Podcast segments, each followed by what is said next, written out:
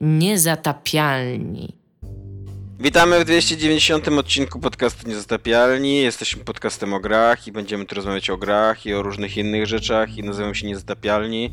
Jestem Tomek Pstrągowski i będę go trochę tak prowadził, ale tak nie do końca, a są ze mną również tutaj... Ja jestem Iga Westmoleńska, reprezentuję własne opinie.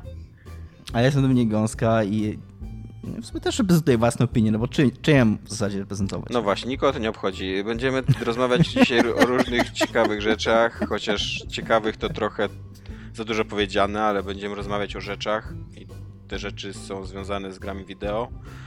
I te rzeczy to będą na przykład takie rzeczy jak to, że armia USA rekrutuje ludzi za pomocą Twitcha, nawet takich ludzi, co mają ledwie 13 lat i tam Nikt nie jest zdziwiony w ogóle absolutnie, w ogóle chujowy temat, szczerze mówiąc. Ubi rebootuje Skull and Bones jeszcze w trakcie produkcji, więc ta gra jeszcze nawet nie wyszła, już została zrebootowana, więc tam też w ogóle zero niespodzianek, jeżeli chodzi o giereczki. Tam beznadziejny temat, ale spoko, będziemy o nim gadali. I będziemy też rozmawiać o tym, że Sony kupiło udziały w Epiku za 250 milionów dolarów, ale tam kogo to obchodzi, że 250 milionów dolarów, bo no ogólnie będziemy o tym mówić, bo tam Sony i Epic to są tam słowa kluczowe i jak wy je wpisujecie w internet, to tam wyskakujemy wam i to się bardzo fajnie później pozycjonuje i tam wchodzicie do nas i jest ok. Tam, no.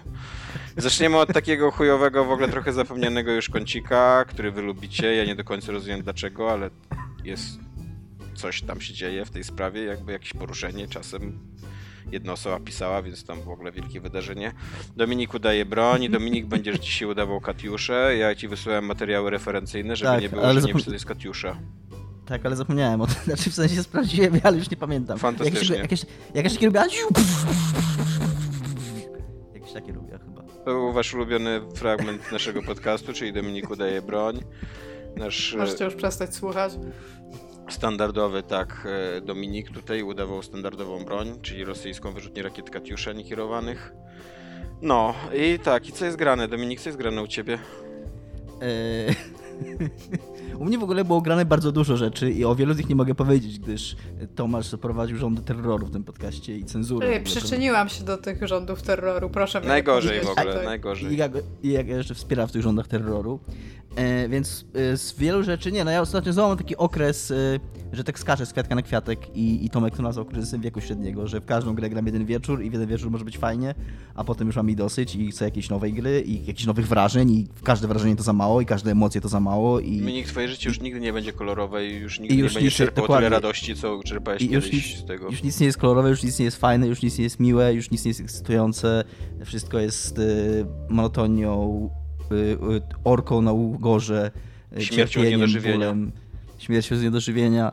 Więc w związku z tym postanowiłem zagrać Fallouta 76, bo jeżeli już y, przeżywać nieszczęście życia, nieszczęście życia i upadlać się to na całego.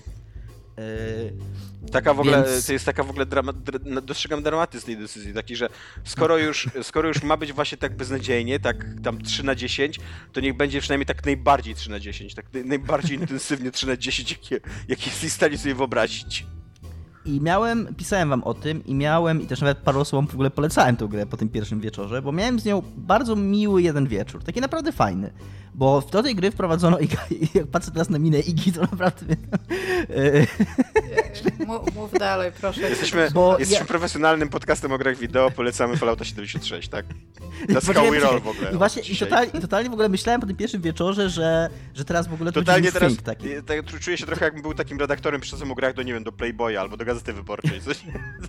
o, że, że, to, będzie teraz... ma Fallouta w tytule, to damy mu tam 10 na 10, co nie? No, że, że to będzie mój think teraz, że po tym jak mi się Anthem autentycznie podobał, to teraz mi się autentycznie Fallout 76 podoba i nagle będę takim człowiekiem, który będzie znajdował w kiepskich grach fajne rzeczy. Ale o ile Anthem mi się podobał przez cały czas, jak grałem, no ale Iga nie rób mi, daj mi skończyć tą wypowiedź. I to jest moja twarz. Iga, odwróć się. Oni wprowadzili w czerwcu to uaktualnienie Wasteland, Wastelanders, które wprowadziło NPC-ów i wprowadziło wątek fabularny. Taką normalnie, że masz y, questy fabularne, ludziki, z którymi rozmawiasz, dialogi mówione, y, postaci i tak dalej. tam, tam już był wątek fabularny, tylko po prostu tak, wiem, na ale terminalach. Chodzi... A tak, tak, ale chodzi o to, że jest taki, są takie normalnie klasyczne, klasycznego RPG Bethesdy, taki quest. I Ten pierwszy wieczór mi się w to bardzo fajnie grało. Tak naprawdę y, nawet znalazłem pewne rzeczy, które są, które przez to, że Fallout 76 jest tym, czym jest, to w pewnym sensie e, był dla mnie fajniejszy od Fallouta 3 i 4, choćby w tym, że ten świat nie sprawiał wrażenia takiego e, Luna Parku, że na, ka- na każdym rogu na ciebie jakaś atrakcja czeka, tylko miałem takie wrażenie autentycznej pustki.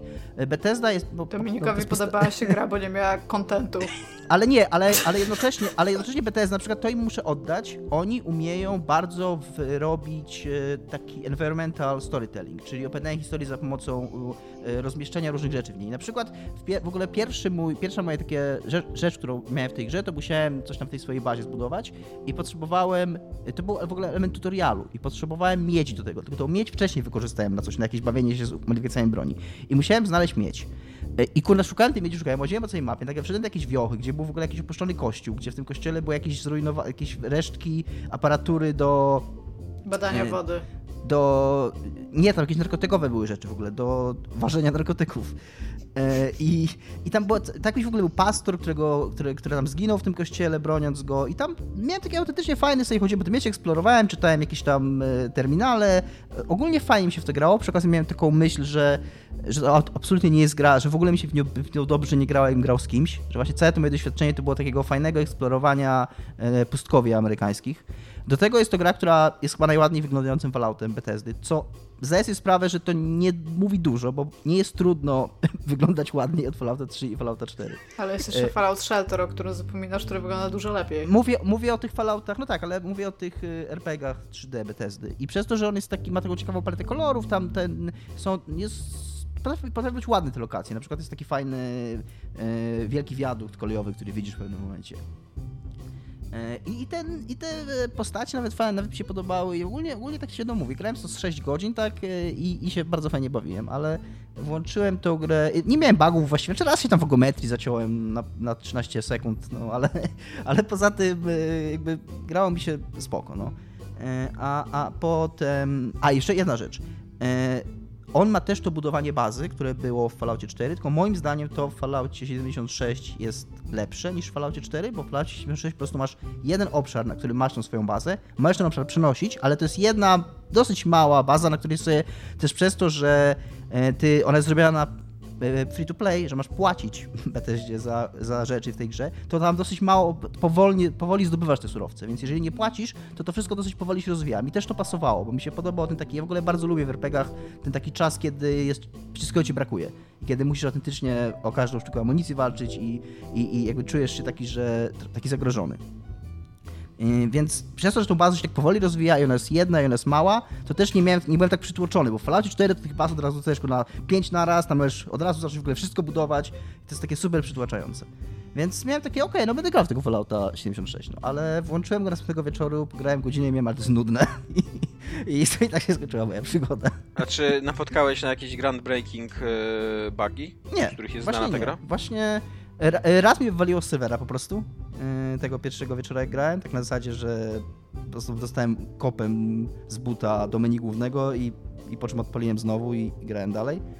Yy, No i raz się, mówię, tak zacząłem się w geometrii, znaczy wskoczyłem pomiędzy jakieś skrzynki i nagle nie mogłem się ruszać. No ale tam ponaciskałem guziczki i tam po nie wiem, 15 sekundach czy coś takiego udało mi się stamtąd wyskoczyć, ale działało to stabilnie, no. I miałem jeszcze jedną fajną, jeszcze jedną fajną e, takie wydarzonko małe, e, jak tam są chyba takie, takie jakby mm, publicznie widoczne warsztaty naprawcze, o które możesz walczyć pomiędzy graczami. W sensie jeden gracz zaczyna go przejmować, wtedy jest informacja, że ten gracz go przyjmuje i ktoś inny może go podejść i go zaatakować. No jakiś gracz właśnie przejmował taki warsztat, ja do niego podszedłem, on tak stoi, patrzy na mnie, ja mu pokazałem emotkę, tam krzyk do góry, on pokazał emotkę serduszko i, i, i pobiliśmy w swoją stronę. I tam takie było, że wiesz, że darowałem mu, że nie zacząłem go atakować, znaczy w sensie nie zacząłem do niego strzelać. No nie miałeś jakiegoś tam zerowego poziomu, on pewnie miał jakiś 56? Mieliśmy, mi, mieliśmy obaj piąty bodaj w tym momencie, więc e, to była taka, że miłość może kwitnąć e, na pustkowiach e, post nuklearnych. E, Nie polecam tej gry, to nie jest dobra gra. E, No ale tak w sumie poza tym, że cię drugi dzień wynudził, to nie powiedziałeś dlaczego to jest zła gra, albo się zabawiłeś, albo coś. Nie, wiesz co, y, po prostu straciłem ochotę zupełnie do, na granie w nią, ale, w ale, jest ten problem, pierwszy, nie w grze.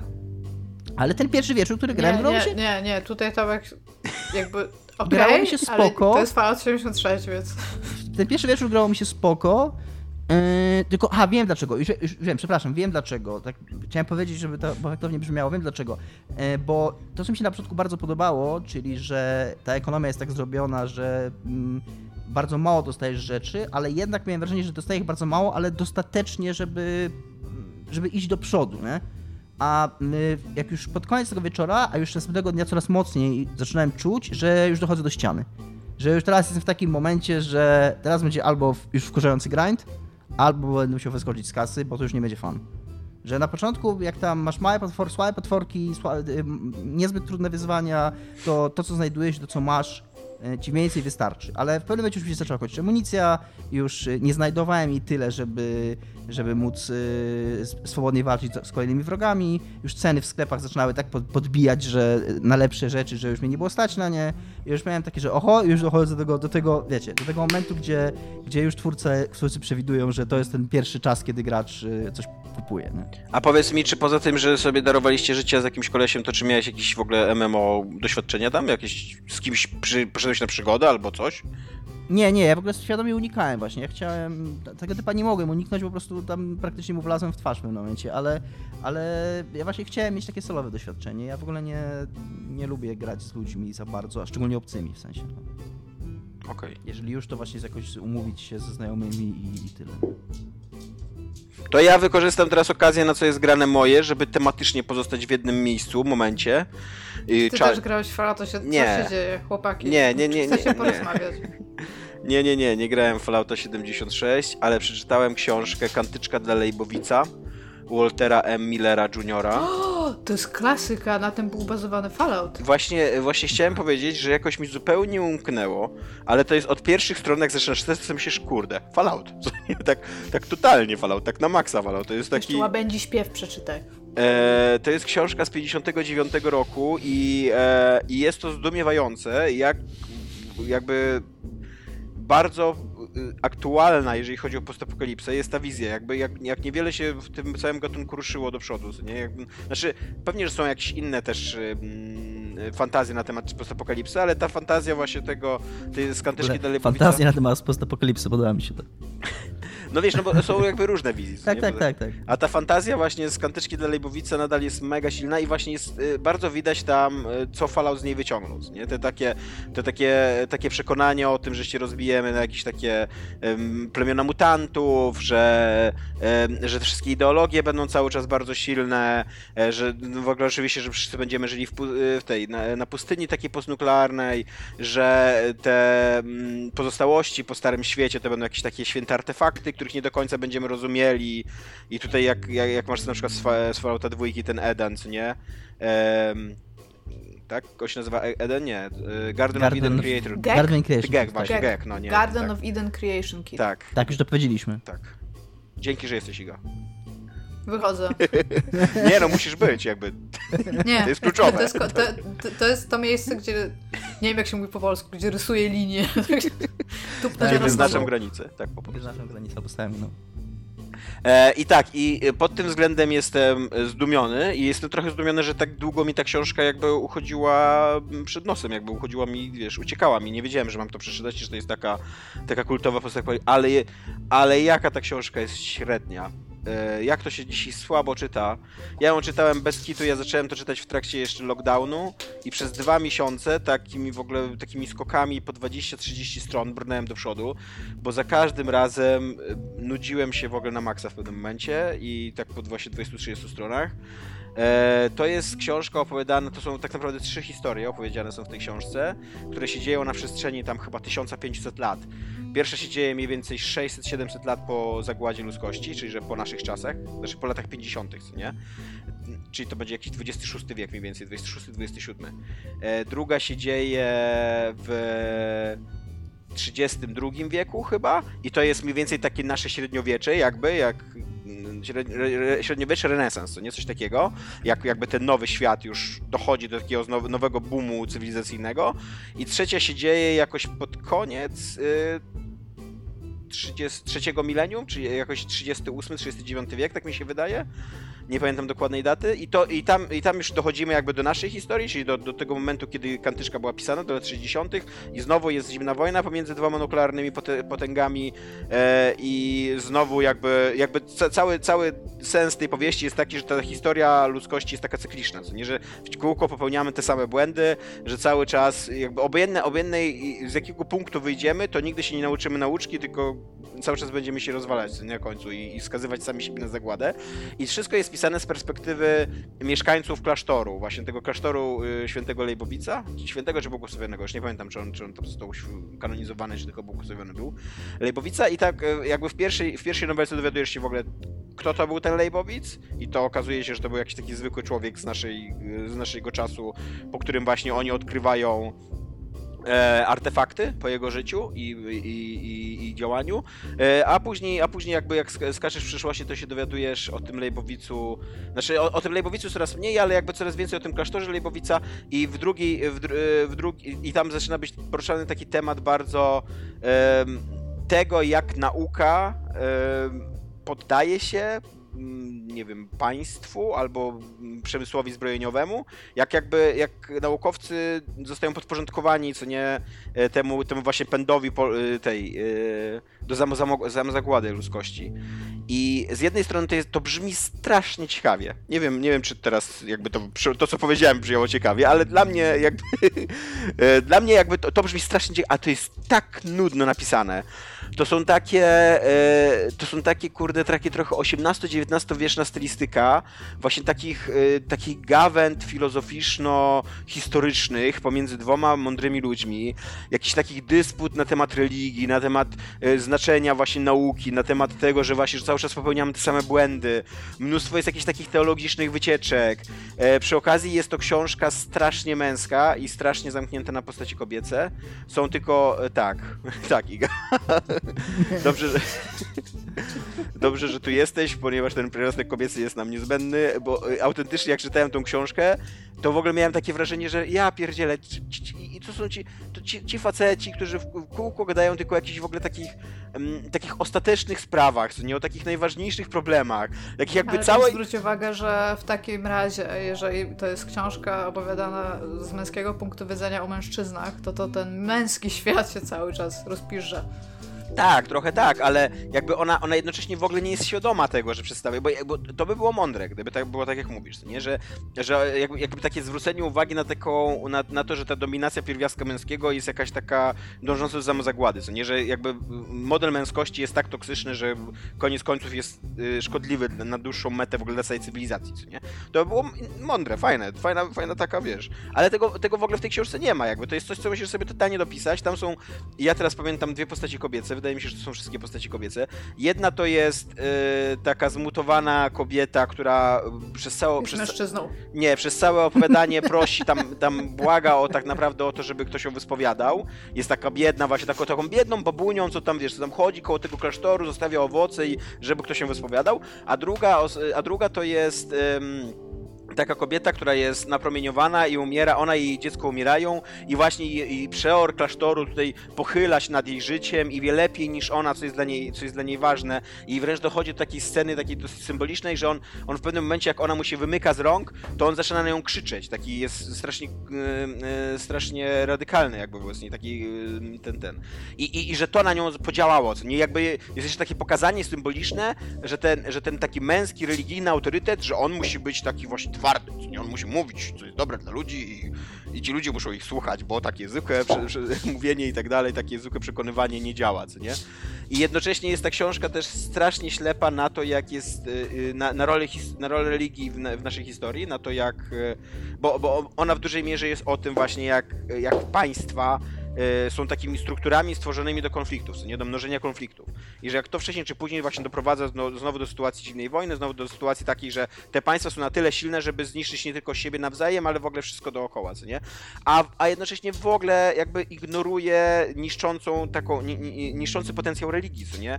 I, I biorąc pod uwagę, że to wszystko się dzieje w tym, w tym klasztorze, który jest y, chrześcijański, wydaje mi się nawet, że to jest y, rzymski katolicy, ale tam ta religia przechodzi pewne, pewne, mutacje przez te kilka tysiące lat, więc to nie jest taki... Jak, jak religia religie ogólnie No właśnie, mają tak. Ale w ogóle, nie, w ogóle nie ma takiego zwrócenia uwagi na to, że to też jest jakieś toksyczne i że to też, to też ma negatywny bardzo wpływ, y, miało na przykład w naszej historii, co nie? Bardzo negatywny wpływ na wiele, na wiele rzeczy, więc y, y, ja to napisałem pod którymś postem u nas i tam ludzie się z nas śmie ze, ze mnie się śmiali, że jak może być coś ciekawe, ale nudne, więc jest to książka, która jest ciekawa, ale nudna, a jednocześnie jak się ją przeczyta do A to, końca, je, to jest taka... przepraszam, e, bo powiedzieć o czymś, że jest ciekawe, e, ale nudne, to właściwie coś ma fajny pomysł, który jest po prostu źle zrealizowany. No, Albo nawet, nie, albo nawet nie pomysł, tylko problematyka tak jest, Tak. jest No. ciekawa, nie? tak. Jakby, chciałbym przeczytać ciekawą ci książkę o tym, o czym przeczytałem tą nudną właśnie. No, dokładnie, tak. I ja, ja ją przeczytałem, ja ją przeczytałem tylko dlatego, że ona jest takim kamieniem węgielnym fantastyki, co nie? Jakby jest, jest autentycznie takim w ogóle jakimś gigantycznym monumentem, co nie? Że, którego nie da się ominąć, jak się czyta w ogóle cokolwiek o historii science fiction. I no i przeczytałem i super fajnie, mam to tam na swojej liście wpisane, ale ale Też nie, mam kilka takich książek, wiem. że jestem, po prostu jestem dumna z siebie, że je przeczytałam, a teraz nigdy więcej nie chcę już ich czytać. tak, no, au- autentycznie y, jakby jak na moje tempo czytania, to to, że ją czytałem 3 miesiące, to jest skandal w ogóle dla mnie. Co nie? To czuję, że, czuję, że straciłem 3 miesiące życia trochę, co nie? No, więc tak, tutaj się wpisuje w tą apokalipsę dominikową. Iga, co jest grane u ciebie? Ja myślę, że mam coś postapokaliptycznego do powiedzenia. Czy najazd obcych na znaną nam cywilizację to jest coś postapokaliptycznego? Jest to jedna z fantazji postapokali- postapokaliptycznych. Jest to może, jest to może int, intrapokapeli... Intra... A... Intra... Pokaliptyczne. No, intrapokaliptyczne, dobrze. Mój pies ogólnie teraz postanowił, że sobie zrobi dyskotekę.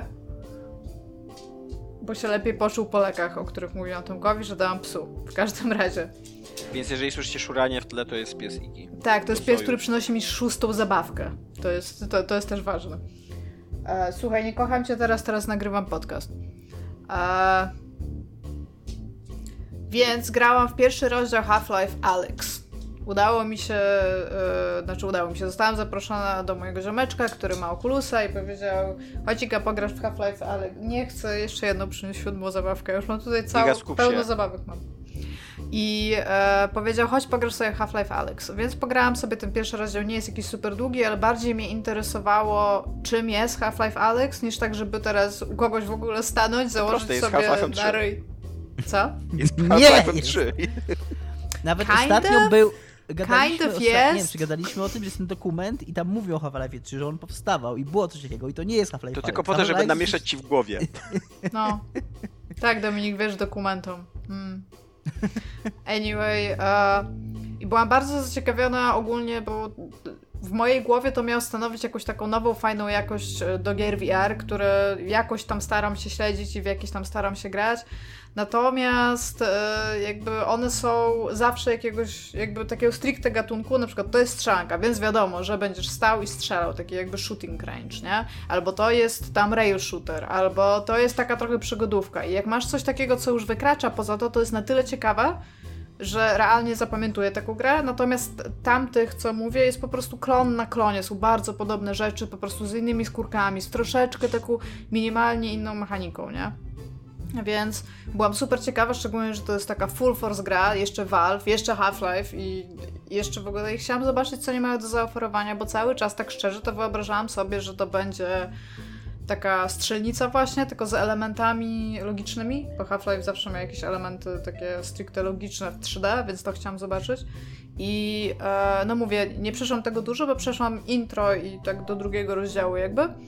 Natomiast to jest zupełnie nowa jakość, bo Valve odrobił pracę domową i co by trzeba, znaczy czego by nie mówić o Valve, no to mieli na to bardzo dużo czasu, bo ta gra trwa z 12 godzin pewnie. Robili ją chyba tam Dominik, ty ten dokument pewnie lepiej ko- kojarzysz, ale 4 lata? Nie pamiętam tej No coś ale- takiego, w każdym razie długo to robili. I oni też mieli szansę robić bardzo dużo testów. Ja rozmawiałam z tym moim ziomeczkiem, on jest w ogóle wielkim fanem Half-Life'a i wielkim fanem Valve, więc on mi też dużo o tym opowiadał. On powiedział, że jak on sobie tak średnio to wyliczył, to e, potem, kiedy skończyli robić technologię, to wychodziło około 2,5 godziny gry na rok, że tyle robili. I oni dosyć szybko zrezygnowali po prototypach z dużych przestrzeni, więc tam się gra w takich małych pokojach. Ale w tych pokojach jest po prostu nasrane asetami. Tam wszystkiego praktycznie możesz dotknąć, wszystko możesz na czymś użyć, wszystko możesz wyrzucić. Ja się na przykład bardzo się super zdziwiłam, że nie mogłam, bo jest taka jedna... Zaczynasz w tych takich mieszkaniach. One już były wcześniej w Half-Life'ach. I na przykład był dywan, który widać było, że krzesło, które ktoś kiedyś przesunął, ten dywan tak zakrzywiło, nie? Tak, że, miało, że miał taką falę jakby w środku. I ja się realnie zdziwiłam, że nie mogę wyprostować tego dywanu. No tak bardzo mogłam sobie wchodzić w interakcję z wszystkimi innymi rzeczami. A... To w ogóle chyba, że on jest w takich zamkniętych przestrzeniach, to też wymusiło trochę na gracze, na twórcach, że to jest taki mm, trochę horror, nie ta gra? Wiesz co, ja nie doszłam jeszcze do elementów stricte horrorowych, ale widzę, że mogłoby tak być. Bo tak, jak najbardziej. W sensie ta gra jest wykonana przepięknie. Ona w, w sensie w porównaniu do wszystkich innych gier na VR-a, w jakie grałam, to tam mi się realnie chce chodzić i wiesz, i oglądać przedmioty, nie? Albo na przykład takie naprawdę proste rzeczy, typu jedna z pierwszych, właściwie chyba pierwsza lokacja jest taka, że e, jesteś jakby w takim to jest taki półprzeszklony pokój, jakby takie trochę oranżeria na, na górze budynku, na górze kamienicy. I widzisz, że to jest miejsce, w którym Alex e, tam patrzy na to, co się dzieje ogólnie z miastem. I między innymi e, na tej szybie rozrysowała sobie sieć połączeń tego, jak, e, jak różne rzeczy idą do Cytadeli. Więc ma narysowaną, ma odrysowaną po prostu markerem na szybie tą cytadelę i tam różne jakieś ten. No i oczywiście obok leży marker. Więc możesz sobie wziąć marker i sobie rysować po tej szybie, nie? I na przykład super mnie zorał fakt, że ja nie używam markera tak jak normalnie byś użył, czyli nie klikam, że teraz rysuję, a potem przestaję klikać, bo nie rysuję, tylko realnie muszę zabrać dłoń. Niby najbardziej intuicyjna rzecz ever, że musisz zabrać marker i przestać go przyciskać do powierzchni, żeby rysować. Więc e, jesteś tam, dowiadujesz się, że coś się dzieje z tym, znaczy, że twojego ojca generalnie aresztowali, tak? Więc musisz go jak najszybciej odzyskać. I e, już tak jak to Half-Life, bardzo szybko jesteś automatycznie w akcji. Znaczy oprócz jedynki, tam nie jesteś za szybko w akcji, o tym jak, nie, jak o tym pomyślałam. A, I masz tam ileś wyborów tego, jak się poruszać. E, Ja nie lubię się poruszać tak, że realnie tam stickiem mogę przechodzić z miejsca do miejsca, bo nie, nie jest to dla mnie ok. I sobie takim blinkiem po prostu, że takim teleportem. Jestem tutaj, zaraz I grałaś tu. tym blinkiem, tak?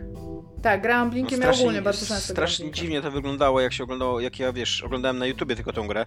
Tak sobie myślałem, że uuu, w ogóle uuu. Tak, w sensie zupełnie to rozumiem, bo s- jak oglądałam też, jak inni grali w ten sposób różne gry, to mi się to wydawało zupełnie bez sensu, tak mi się gra najwygodniej. A przy okazji, jako że to jest Valve i to jest też ich headset przecież, to e, zrobili taki thing, że jeżeli masz osobę, które obserwują jak ty grasz, Mhm. to one mają zupełnie inny interfejs i one widzą tą grę tak, jakbyś widział normalne Half-Life'y. Co jest w ogóle też, strasznie mnie to w ogóle rozwaliło. Ale co, nie to- widzą, nie widzą tych blinków, tylko normalnie chodzą, widzą jak chodzi? Nie, no wi- widzą, że się przenosisz, bo to, to by było po prostu nie, nie, niemożliwe, No tak? właśnie. Tylko, że jakbym, jak, jak masz interfejs, to masz normalny interfejs, nie taki jak, jak masz...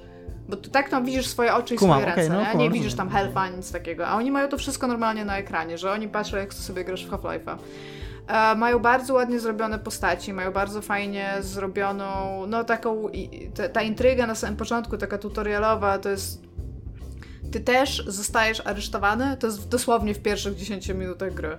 A, ale jakby samochód, którym cię wiozą, e, zostaje wysadzony i zostajesz uratowany stamtąd i tam już się zaczynają takie dobre dialogi, war, tam już się zaczynają, ten, ten tutorial jest bardzo w ogóle przyjemny, ale bardzo mnie rozwaliło, bo też rozmawiałam z tym moim ziomeczkiem właśnie w trakcie jak gram, bo on mi nic powiedział, ja ci nic nie będę podpowiadał, ja chcę zobaczyć jak grasz, nie? I w pierwszym pomieszczeniu jest zagadka. To nie jest trudna zagadka, to jest zagadka, jak wyjść z tego pomieszczenia i pójść dalej w grze. I ja spędziłam tam chyba z 10 minut. Tam oprócz tego, że wyrzucałam wszystko przez balkon, co się dało. Aha, są, jest płyn w butelkach, co już. W, og- a, jeszcze to, to było fenomenalnie fajne, bo. E, jak się nazywa? E, zapomniałam ta. Nie, nie Oculus, tylko. Vive? Tak, Vive ma y, głośniki wbudowane na uszy, nie? W sensie, że nie musisz mieć słuchawek, tak jak na przykład w PlayStation VR. Więc jak masz pudełko zapałek w ręku i sobie koło ucha nim potrząśniesz, to normalnie słyszysz, że są w środku zapałki. Wow. I tak samo jak masz, jak masz piwko w ręku, bo tam ona ma ileś tam piwek i tam wódkę też możesz gdzieś tam znaleźć i potrząśniesz, to też słyszysz, że jest płyn w butelce. w A jak później otworzysz, to- to strzela? E, wiesz co, nie, nie, mogę ot- nie mogłam otworzyć, bo pierwsze co to w ogóle wzięłam zakorkowane, znaczy zakorkowane, z, piwo i wzięłam jakiś tam twardy przedmiot inny, który tam był, ja nie pamiętam czy to był jakiś śrubokręt czy coś takiego i chciałam otworzyć, ale przez to, że nie masz pada, tylko masz te e, kontrolery z takim kółkiem dookoła twojej dłoni, to nie możesz jakby tych przedmiotów razem złączyć, bo kontrolery fizycznie ci na to nie pozwalają. Więc wzięłam to butelkę piwa i zrobiłam takiego tulipana o stół i płyn nie, nie rozdał się najlepiej, ale podobno w ogóle ten płyn do butelek wprowadził jeden typ robiąc shader w weekend, więc jakby super, su, super, że to, że to Dobra, ale wyszłaś w końcu z pokoju, czy... Wyszłam i to była najprostsza rzecz ever, jak nagle w ogóle zaskoczyłam, bo ten typ mi powiedział tylko, bo ja mówię, to stary, weź mi powiedz, co ja mam zrobić, bo ja nie chcę 40 minut stać w ogóle w tym pokoju. I on mówi, ja ci powiem tak, bo ja się nad tym też bardzo długo męczyłam. Zapamiętaj, że grasz w VR-a, że to jest gra na VR. I nagle po prostu mi tak wskoczyło, że to nie jest tak, że ja muszę gdzieś podejść, coś kliknąć, tylko ja muszę coś realnie zrobić rękami, nie? Bardzo, w ogóle bardzo prosta rzecz. E, Otworzyć a, no i możesz też podnosić takie rzeczy trochę nieoczywiste, bo na przykład możesz podnieść krzesło i na nim stanąć, Mhm. albo coś takiego. I to nie było w ogóle rozwiązanie tej pierwszej zagadki, ale starałam się to zrobić chyba przez pół godziny, no to 5 minut i super mi się to podobało. No, no i w każdym razie ca- cały patent tej gry poza tym to są te e, rękawiczki, e, tam Gravity rękawiczki, tak? Gravity Gloves. I dostajesz je też no, w miarę szybko w tym pierwszym rozdziale. I tam masz taki tutorial, który ma ci pokazywać, e, jakby jak one będą działać. I tam robisz coś takiego, że jak się patrzysz na coś, to on, on ci to tak trochę zaznacza, po czym robisz taki ruch, e, jakbyś chciał to mieć w ręku, tak jakby jak lasso, jakbyś zahaczył i przyciągnął do siebie. A, więc od razu na samym początku typ mówi ci, dobra, tam Alex, tam rzucam ci broń, uważaj, ale spokojnie, jest rozładowana. I rzuca ci tą broń, której nie łapiesz, bo ci ją źle rzuca, rzuca i broń strzela. I on mówi, dobra, teraz jest rozładowana, więc rzuca ci tą broń i każe ci strzelać, ale się okazuje, że przecież jest rozładowana, więc rzuca ci prosto na ryj, ci rzuca w ogóle amunicję, więc już automatycznie masz ten taki bardzo intuicyjny pattern, że teraz musisz coś złapać, więc łapiesz. Normalnie ładujesz tam pistolet, normalnie go klakujesz i normalnie strzelasz. I nawet to jest, jest w ogóle fenomenalnie dużo lepiej zrobione w innych tych takich właśnie shooterach, e, no VR-owych, w które grałam. E, No i potem idziesz już, e, jakby nie będę już potem mówić, co się dzieje, tak, bo powiedzmy, że ten pierwszy rozdział i tutorial to je, jeszcze, jeszcze, a tam jeżeli ktoś chce pograć, no to, no, to, no to po prostu pogra. W każdym razie idziesz uratować tego swojego ojca, to jest jakby twój pierwszy thing. Ale y, jakby stopień szczegółu, do którego oni to dopracowali, łącznie z faktem, że na przykład typ ci pokazuje mapę i ci mówi, że my jesteśmy tutaj, tu jest twój ojciec i tutaj będzie jechał pociąg i ty, ty ten pociąg musisz ten. I on na przykład ci mówi, daj mi jakąkolwiek rzecz, która będzie symbolizowała ciebie. I wiesz, bierzesz filiżankę i w niego rzucasz. I on bierze tą filiżankę i stawia, nie? Że tutaj jesteśmy my, nie? I będzie teraz, od tego momentu o tej filiżance mówisz, że to jesteśmy my. Więc tak... y, Ło, przyszłość jest może być filiżanką. tak, nie, nie wiem, czy to jest jakiś tam przełom, nie wiadomo jaki, natomiast jest to do tej pory z, z, z mojego jakby doświadczenia najlepiej zrobiona taka gra VR, jak sobie wyobrażaliśmy zawsze, że taki poziom tych gier AAA w VR-ze. Tylko, że moim zdaniem ona jest tak totalnie niedostępna dla większości ludzi, bo nie dość, że te headsety praktycznie przy tym, przy premierze były nie do kupienia już, Ale ona To- chyba działa też na innych, nie tylko na Tak, na wszystkich działa. też działa. No, ja, no w sumie to jest PC, tak, to ma, to ma sens. Ale chodzi mi po prostu o to, że tak. No ale prawda, że to jest takie trochę bardzo drogie tech demo, które właśnie Tak, tylko, tylko wiesz, pasjonaci na przykład- sprawdzą, co nie? To nie jest taka gra, Tak, i która... tak, tak przy okazji ja mam coś takiego, bo ja bym nie miała żadnego problemu, żeby kupić sobie drugi headset do PC. Oprócz tego, że pewnie musiałabym trochę wpakować więcej pieniędzy w PC, ale jakby ja lubię VR, ja, ja nigdy się nie spodziewałam, że to będzie nie wiadomo jaka rewolucja, ale to jest moim zdaniem bardzo fajna zabawka, raz na jakiś czas sobie podłączyć i pograć i to jest moim zdaniem bardzo spoko. A, natomiast mam też coś takiego, że jakbym pograła sobie w tego Half-Life Alyx tak na pierwszy rzut, teraz na PC, to potem bym mega długo nie mogła znaleźć nic na tyle fajnego jak Half-Life Alyx. A myślisz, że wytrzymałabyś 12 godzin w, w tej grze? Jakby, że ona jest na tyle wciągająca, że to nie jest, wiesz, męczące. Znaczy, nie za jednym co? posiedzeniem, co nie? No ale wiesz, żeby... Tak, tak, ale rozma- rozmawiałam z 6-7 ziomkiem i się pytam e, tak mniej więcej, czy tak, jak wiedzą nasi słuchacze, jak wy wiecie, ja się spoilerów w ogóle nie boję, a mi tutaj chodziło o jakieś wykorzystywanie mechanizmów gameplayowych w ogóle w tej grze, nie? W sensie, co, co jest tam fajnego takiego VR-owego. I jest tam taki moment, i ja teraz, to nie jest nic fabularnego, ale jest to coś w mechanice, mogę powiedzieć, co mi się bardzo spodobało, o czym on Tak, mówił. Ja pewnie. tego, co? Tak. No i jest, są tam takie e, jakby jednostki właśnie horrorowe, trochę jak klikery. One cię nie widzą, ale one cię słyszą, tak? Więc poruszasz się bardzo cicho. No i e, stoi jakby za taką, pomiędzy takimi regołami, jeden z nich i widzisz, że u góry idzie headcrab, a tam headcraby raz na jakiś czas są, tak? Jakby widzisz je. I ten headcrab idzie i ty widzisz, że on zaraz będzie zrzucał butelki. I ty realnie musisz łapać butelki, żeby nie spadły, żeby nie usłyszeli, że ty tam jesteś. I moim zdaniem to jest 300 razy bardziej fan niż strzelanie do czegokolwiek, no. Więc jakby wierzę w fakt, że byłabym na tyle zainteresowana, żeby to przejść, być może nawet na dwa posiedzenia. Ten mój znajomy, on przeszedł to w dwa wieczory. W sensie realnie po 6 godzin sobie raz usiadł i potem drugi raz 6 i powiedział, że żadnych tam nudności, żadnych, e, żadnego bólu głowa, nic takiego, że w ogóle wszystko, wszystko super, nie? I fakt faktem, ten jego headset jest on, to, to, jest ta, to jest tam jakaś zaraz się go zapytam co to jest, żeby nie było, ale jest wygodny. Ogólnie jest, jest moim zdaniem wygodniejszy niż ten PSVR, tylko że ja mam ten pierwszy, pierwszy, który był PSVR, więc teraz pewnie te nowe są troszeczkę lepsze niż ten. No, ale mówię, takie, takie właśnie rzeczy typu fakt, że słyszysz jak zapałkami trzęsiesz koło ucha, albo że właśnie jesteś w stanie łapać rzeczy, które spadają, albo coś takiego, to, to po prostu to robi. A, i rzuciłam w gołębia jabłkiem, bo e, złym człowiekiem. pomogłam. Tak, a potem jeszcze zrobiłam coś takiego Ale właśnie trafiłaś, przez to, że się odleciał? blinkowałam. Odleciał. Wiedzieli totalnie, że wrzucisz tego gołębia. To jest tak gołąb postawiony, jeszcze jakby miał taki wielki e, ten e, ce- celownik na głowie, że tam tutaj rzuć, to byś był jak... mhm. To e, przez to, że się blinkowałam, to nie weszłam w, jaki, w taki jakiś trigger sceny po prostu. I się jakby wblinkowałam się w stół, na którym były dwie bułki, na których siedziały dwie gołębie. I one powinny odlecieć, jak ty się pojawiasz w drzwiach, ale ja to w ogóle ominęłam i jakoś haksem w ogóle przeszłam dalej.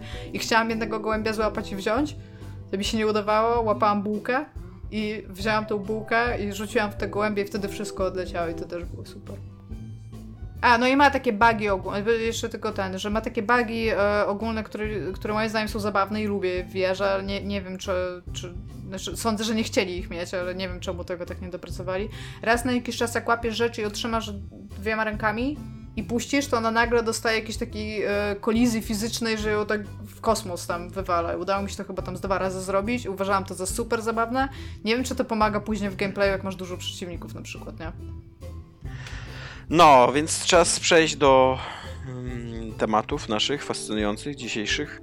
Dominik, zacznij ty, bo ty masz najbardziej ciekawy, najinteresujący, najbardziej, ale taki średnio zaskakujący, taki no. E, tam 6 na Amerykański, 10. tyg- amerykański tygodnik The, Nation, czyli nie wiem, Naród, No, tak. e, opu- opublikował artykuł, e, w którym opisuje w jaki sposób Armia Stanów Zjednoczonych, konkretnie oni opisują na przykładzie marynarki, Marynarki. wykorzystuje platformę streamingową Twitch do pozyskiwania rekrutów e, wśród nawet najmłodszych dzieci. W sensie e, Twitcha można używać według regulaminu od 13 roku życia. Jestem pewien, że e, mnóstwo młodszych dzieci również z tego korzysta. No ale Ja tam mogę musi- powiedzieć, że dziewięciolatek, który raz na jakiś czas jest tutaj i mam tam nad nim jakąś opiekę, totalnie wie co to jest Twitch, ma swoje No konto tak, tam tak, tak. i... No ale teoretycznie jakby prawnie jest tak, że, że musisz poświadczyć, że masz 13 lat. No, wiemy wszyscy, że na pewno młodsze osoby też z tego korzystają. I tam e, e, normalnie są, nie dość, że są żołnierze specjalnie wytrenowani, bo e, marynarka wojenna Stanów Zjednoczonych ma drużynę sportową. Taką prawdziwą, honest goodness za przeproszeniem, biorącą udział w zawodach drużynę sportową. Czyli to nie jest jakiś taki marketingowy wymysł, a jednocześnie to jak najbardziej jest marketingowy wymysł, bo ta drużyna esportowa tak naprawdę istnieje tylko i wyłącznie w celach propagandowych, czyli w celach y, pozyskiwania młodych ludzi y, do służby w wojsku. Że już jakiś czas temu oni się zorientowali chyba, że coraz trudniej jest y, pozyskiwać rekrutów w, w prawdziwym świecie, a z drugiej strony technologia współczesna daje takie możliwości docierania do takiej liczby osób. Oni tam w artykule podają taką liczbę, że nawet do 80% nastolatków w Stanach Zjednoczonych mogą te streamy docierać potencjalnie. Męskich nastolatków. E, Biorąc pod uwagę, tak, biorąc pod uwagę, jaką, jaki zasięg ma Twitch. Tam są podawane takie liczby w ogóle, liczby godzin, jakby ile ludzie godzin konsumują Twitcha w porównaniu z Netflixem. No to jak ja to próbowałem policzyć, bo tak jest to dosyć dziwnie podane, no ale wychodziło, że mniej więcej jedna trzecia, że Twitch ma już mniej więcej jedną trzecią Netflixa, jeżeli chodzi o czas spędzany ogólnie przez ludzi yy, przed nim. Przy, o- przy biernej rozrywce. Przy biernej rozrywce, tak, tak. E, Więc, A w co oni grają? Yy, yy, w, wiesz co, nie wiem tak naprawdę. Valoranta grają. e, w jakiś Call of Duty chyba coś było Call of Duty chyba tak, no. no. E, I Zakładam, że w Fortnite'a też grają, bo... tak, tak. I w trakcie tych streamów ci żołnierze e, rozmawiają z tymi, z tymi nastolatkami i opowiadają im, jak to jest w armii, jak to jest fajne, jakie to jest przyjemne, miłe, e, jak to mogą wykorzystywać swoje, swoje umiejętności do służenia krajowi. A przede wszystkim no, tworzą taką, wiesz, taką wizję tego, jak to, jak to fajnie jest być w armii i jakie to jest przyjazne, przyjazne dla graczy środowisko. I na co zwraca uwagę ten artykuł i co jest najbardziej takie przerażające w tym wszystkim, to że cała ta strategia jest zbudowana tak, by kierować ten przekaz do dzieci, które są najbardziej podatne na coś takiego, czyli które pochodzą z, które mają trudną sytuację życiową, dla których, który, których faktycznie taki przekaz, że przyjdź do armii, tu ci będzie bezpiecznie, tu będziesz mógł robić co chcesz, tu będziesz miał zapewniony, za- zapewniony byt, a jeszcze potem my ci zapłacimy za studia, bo jest taki, to jest część y, um, te, tego, tej umowy, którą oni ci proponują, tak? Bardzo dużo ludzi idąc, yy, w sensie rekrutując się do Armii Stanów Zjednoczonych, robi to, tam chyba dwa lata temu było jakieś badanie, dlatego właśnie, żeby potem móc opłacić sobie studia. Tak, tak. A jednocześnie przez to, że teoretycznie w, w, w prawie Stanów Zjednoczonych jest zapisane, że, nie mo, że, że armia może zacząć rekrutować dopiero od 16 roku życia, e, to oni no jakby obchodzą ten przepis, tak? Bo wychodzą do dzieci dużo młodszych, ale że nie mogą ich faktycznie rekrutować, to robią takie i to nawet nie są prawdziwe konkursy, bo ci ludzie z tego The Nation to sprawdzili, że to są totalnie w ogóle nieistniejące konkursy, których jak gdzieś tam próbujesz wejść na stronę, to one ci odsyłają w ogóle tak na jakąś pustą stronę, gdzie nie ma w ogóle regulaminu, nic nie istnieje tak naprawdę, tylko po to, żeby ten dzieciak wpisał swoje dane tam. Yy, I oni te dane zbierają do bazy, i potem jak ten dzieciak już dorośnie do 16 roku życia, no to już będzie się może- odezwał. to się do niego odezwą i będzie można go rekrutować. To już jest naprawdę przerażające. I tutaj na szczęście y, ten wątek tej historii ma pewien finał, bo dzisiaj przeczytałem, że Twitch po, po opublikowaniu tego reportażu Twitch y, zablokował, w sensie zablokował y, y, no, marynarce wojennej możliwość organizowania tych konkursów, bo sprawdzili faktycznie stwierdzili, że to jest niezgodne z ich regulaminem, że oni organizują konkursy, które nie istnieją, tylko po to, żeby zbierać czyjeś dane. Więc, no bo to już jest takie, no, bo to jest takie, wiecie, cała ta historia, ona jest taka, tak trochę balansuje pomiędzy tam tylko nieetycznym, a no już prawie, że kurde kryminalnym, nie? No bo wychodzenie do dzieci i mówienie im jak fajnie jest w armii, no to nie jest to na pewno przyjemne, jak się na to z zewnątrz patrzy, ale też być może no nie jest to coś, czego wiecie, no... Nie, nikogo nie, jakby nikogo jeszcze nie zabijają tym, no. Tak, tak, ale no jak już, jak już podsył, podstawiasz komuś pod twarz autentycznie fejkową stronę, to jest, to jest praktycznie już scamming, nie? No to już po prostu oszukiwanie ludzi. Yy, Wmawiasz im, że jest jakiś konkurs, żeby uk- ukraść ich dane i żeby później tych ludzi namawiać do przejścia do armii, do, do wstąpienia do armii, no to to jest w ogóle jakiś po prostu już s- plan w ogóle złoczyńcy z filmu Marvela prawie, że no kurde. Więc jest, jest to naprawdę... Jest To był naprawdę bardzo nudny film Marvela. tak No. samo jak wszystkie. Ale- Ja, Pasowałoby tak, reszty. Ale to by był taki film Marvela, który ci odpowiada na pytanie, skąd się biorą ci właśnie tacy złoczyńcy, co nie? W, w, armii, w armiach złoczyńców. Taki cały skupiony przez godzinę by było, że tam właśnie jak robimy, jak robimy rekrutację, jak ich później szkolimy, jak ich tam zapewniamy, że jednak walczysz w dobrej sprawie, a na końcu wpada Kapitan Ameryka i tam takie- zabija ich wszystkich. To, co mnie, To to, powinno co być mnie, jeszcze jako taki e, training video, że a, tutaj mamy tam sama z rekrutacji. O, zapraszam. I on siedzi i, co opowiada. Mnie, I to, co mnie najbardziej w tej historii uderzyło i zaskoczyło, to to, że yy, ja mam trochę takie wrażenie, chyba wszyscy je trochę mamy, że te takie nowoczesne platformy, jak tam, jak Twitch, czy te gry typu Fortnite, Minecraft, że tam się dzieci bawią, one się bawią, a my starzy to tego nie rozumiemy i tam, nie oni się tam bawią, a my tam będziemy robić sobie swoje. To jest trochę ich świat. I, i one są tam bezpieczne, i, znaczy bezpieczne, no, względnie, tak na tyle, mogą być w internecie, ale, ale tam najwyżej, wiecie, pokłócą się z kimś albo pobluzgają, albo tam usłyszą jakieś yy, yy, faszystowskie hasła, nie? Tam normalka, nic, nic nowego pod słońcem, nie? Ale, ale, ale okazuje się, że istnieją ludzie, którzy mają to, no, z tego artykułu wynika, że armia ma to po prostu rozpykane w ogóle na najmniej, do, najmniejsze, do najmniejszego szczegółu, że oni, wręcz tam się pojawia taka informacja, że nie jest nowa informacja, dla mnie była nowa, że pod koniec zeszłego roku oni w ogóle zrezygnowali z reklam telewizyjnych, tych Super Bowl, mieli taką wielką kampanię i oni całe, całe fundusze praktycznie marketingowe przeznaczają na, na sponsoring sportu, na budowanie drużyny sportowych, na w ogóle takie wejście, bo to nie chodzi tylko o Twitcha, oni wchodzą na każdym poziomie. E, Sponsorują drużyny sportowe, sponsorują ligi sportowe, sponsorują turnieje sportowe, e, mają swój, swoją drużynę, swoich zawodników, także to nie jest tylko to, że, że tam jakiś paru żołnierzy sobie robi stream na Twitchu. To jest cała bardzo... y, sk- Wielka tak- machina. Wielka machina, bardzo drobiazgowo zorganizowana i przygotowana w tym celu. Ja bym chciał tylko... Jeszcze przy okazji... Ja a, bym chciał bo- tylko sprostować, że to jest Dominika wyobrażenie o Twitchach i streamerach. Jakby ja, ja jako również stary człowiek i mam jakby dokładnie na odwrót to wyobrażenie, że tam, że tam się dzieje tylko zło jakby, że wszystkie dzieciaki powinny się od razu się wyłączyć, wylogować i naraz. Powinniśmy to zaorać w ogóle. To in- znaczy no, Zrzucić napalm. Skoro już armia się tym interesuje, to zrzućmy napalm. Ja bym chciała jeszcze powiedzieć, że e, to, że oni. Bo to jest.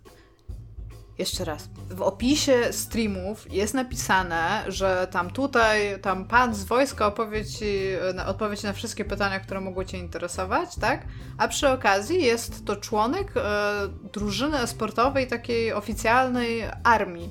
I dzieciaki też mogą mieć takie mniemanie, bo tam jest e, mniej więcej tak napisane, że rodzice mówią ci, że patrzenie w monitory nigdy nic ci nie da. To tutaj pan, który jest tam w armii, w drużynie sportowej, powie ci, że jest inaczej, że może się zdziwisz. I Dominik, ty wyliczyłeś, że to jest 0,0023%. Tak, 0 0,0028, bo to jest 10 A, osób 28. jest w drużynie sportowej na 280 tysięcy e, żołnierzy w armii, Tak. w, marynarce. I jakby te dzieciaki mogą wyjść z przekonania, że ej, może ja pójdę do drużyny e-sportowej w armii, może ja wcale nie będę musiał nikogo zabijać, ja nie będę żołnierzem, tylko będę strzelał. I jakby tak, jest taka możliwość, jest taka możliwość bardzo mała, ale jest. Po dwóch czy trzech latach służby być może możesz stać się jednym z dziesięciu osób, które są w drużynie e-sportowej armii Na- Stanów Tak, Zjednoczonych. i masz na to szansę poniżej jednej tysięcznej, tak, dobrze Tak. mówię? No Tak, więc poniżej, poniżej wiesz, jednej tam- tysięcznej, nie, poniżej jednej setnej procenta, no ale nadal. No tak, ale jakby wiesz, you go, nie? Że tam Pamiętam Więc- jeszcze, że A jeszcze, przepraszam, tylko cię we- wetnę tutaj, tam jeszcze w ogóle rzeczniczka armii się bardzo ładnie wypowiedziała, jak, Tak. jak, jak ją skonfrontowano z tym faktem, że ona nie uważa, że to jest wprowadzanie w błąd, bo żołnierze marynarki wojennej wpatrują się bardzo dużo w monitory, na przykład w sonar, radar i tak dalej, nie? E, Ja pamiętam jeszcze, że kilka lat temu za administracji Obamy też był taki, taki trend mówienia o, bo Obama prowadził bardzo zaawansowane wojny dronami. Jezu, jak to było dawno, jak Tak. Obama był prezydentem. E, No ale jakby nie, nie, chodzi mi tu o tą mniej idealną e, twarz Baracka Obamy, czyli tą, gdzie, w której, która zabijała kilka tysięcy ludzi nielegalnie. To, w której dostał pokojową nagrodę Nobla, kiedy otrzymał, powiedział, że nie wie, dlaczego ją dostał. Tak, tak, a później odpalił, a później odpalił właśnie program wojen dronowych e, nielegalnych, nie? I tam też, też bardzo długo się mówiło, tak porównywało się te, tych pilotów dronów do graczy e, i że to jest takie podobne doświadczenie i że w ogóle jeżeli masz doświadczenie właśnie w grach wideo, to zapraszamy do armii, bo mamy tutaj taki rozbudowany program w ogóle pilotowania dronów i e, był kilka lat temu taki bardzo głośny artykuł, sylwetka właśnie pilota dronów, e, o, operatora drona, no, bo to, który właśnie też tam, tam jest sporo w ogóle nawiązań do gier, co nie? On tam Może grał... jest w- bardzo mały i siedzi w środku drona i wtedy co? Nie, nie, nie, nie, operatora drona, Iga. Już spokojnie. który... I, I tam jest bardzo dużo nawiązań do, do gier wideo, że to w ogóle, że to jest taki film jak gry wideo, nie, że on gra w World of Warcraft, że tam jest jakaś taka scenka, pamiętam, taka obyczajowa, że on kupował e, grę wideo i, i sprzedający mu mówił, że wow, że ale masz super pracę i tak dalej, co nie? A literalnie to był w ogóle artykuł o tym, jak, e, jak pilotowanie tymi dronami to w ogóle nie są gry wideo, tylko on wymordował mnóstwo ludzi i ma PTSD totalnie i w ogóle jego życie jest dzisiaj, kurde, mega ciężkie i on w ogóle ma mega wyrzuty wobec tego, co robił i tak dalej, co nie? Więc chyba tak mi się wydaje, że przy taki czas, żebyśmy przestali w ogóle tak traktować e, służenie w armii jako grę, co nie? I tak fajnie było, jakby armia też tak przestała. Nie wiem, czy ciekawe, czy w Znaczy- Polsce tak się robi, kurde. Ja, ja ci powiem tak, Tomku.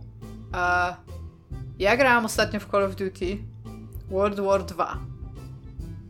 I Czy to jest coś... e, w lesie? Tak, w ogóle. I, I ja ci powiem tak. Ja się bawiłam fenomenalnie dobrze. Ja bardzo dziękuję Stanom Zjednoczonym za to, że wkroczyły do wojny i praktycznie jednym oddziałem wyzwoliły Europę oraz pokonały Holokaust i hitleryzm. Tak.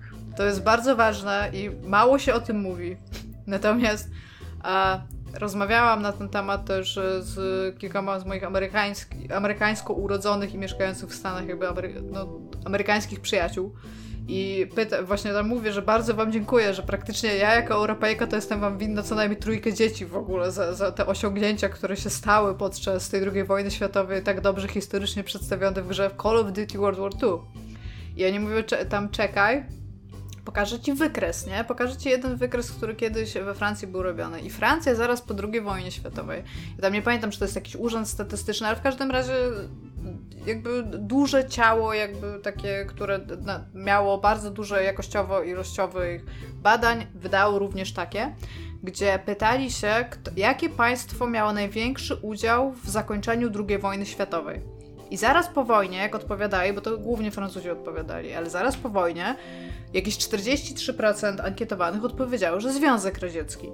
Co, jak się nad tym zastanowisz, ma jakiś tam sens, tak? I Ma potem oni to robią. Najwię tak, najwięcej ale... ofiar Związek Radziecki poniósł. Tylko jest taki problem, że on też trochę rozpoczął tą wojnę, a później ją No zakończył. właśnie, that's my point, że ma to trochę sens, jak się nad tym zastanowisz. Im dłużej się nad tym zastanawiasz, trochę ma mniej sensu, ale w każdym razie, tylko że oni robią to badanie tam chyba co 10 lat, czy coś takiego, nie? I ostatnio było chyba na początku lat tam 2000 jakoś tak przeprowadzone i Związek Radziecki, w sensie, czy tam teraz to już była chyba Rosja, bo ludzie już odpowiadają Rosja, a nie Związek Radziecki, e, już chyba nawet nie funkcjonuje w top 3, natomiast top 1 to jest USA jakieś 60%. Po prostu oni mają bardzo dużą propagandę, w sensie duże to ciało propagandowe z armii Stanów Zjednoczonych. Znaczy, wiesz, Iga, ja, ja się zgadzam z tobą, jakby rozumiem tą anegdotkę, ale też wskazanie na USA jako głównego czynnika, dzięki któremu wygraliśmy wojnę, nie jest aż taką My nie wygraliśmy głupotą. wojny, Tomaszu. Znaczy, Tomaszu, no my, my tak, my nie, masz rację. ale ta lepsza strona, nie? Tak. Nie jest aż taką Znaczy, głupotą, ja- chociaż też jest ja roz- prawdą na tak, przykład ja to, rozumiem, że... są za tym argumenty, ale Tak. stary, to nie... Patrząc na ten wykres, bo ten wykres, tam co te, co te badanie, to jest po prostu coraz więcej Stany Zjednoczone, tak coraz, coraz więcej, nie? Tylko, że jak jakbyś się zapytał, no nie wiem, no osoby, która jakby ma ogólną wiedzę na temat historii świata, ale no na takim poziomie ogólniaka, no. No coś takiego, nie?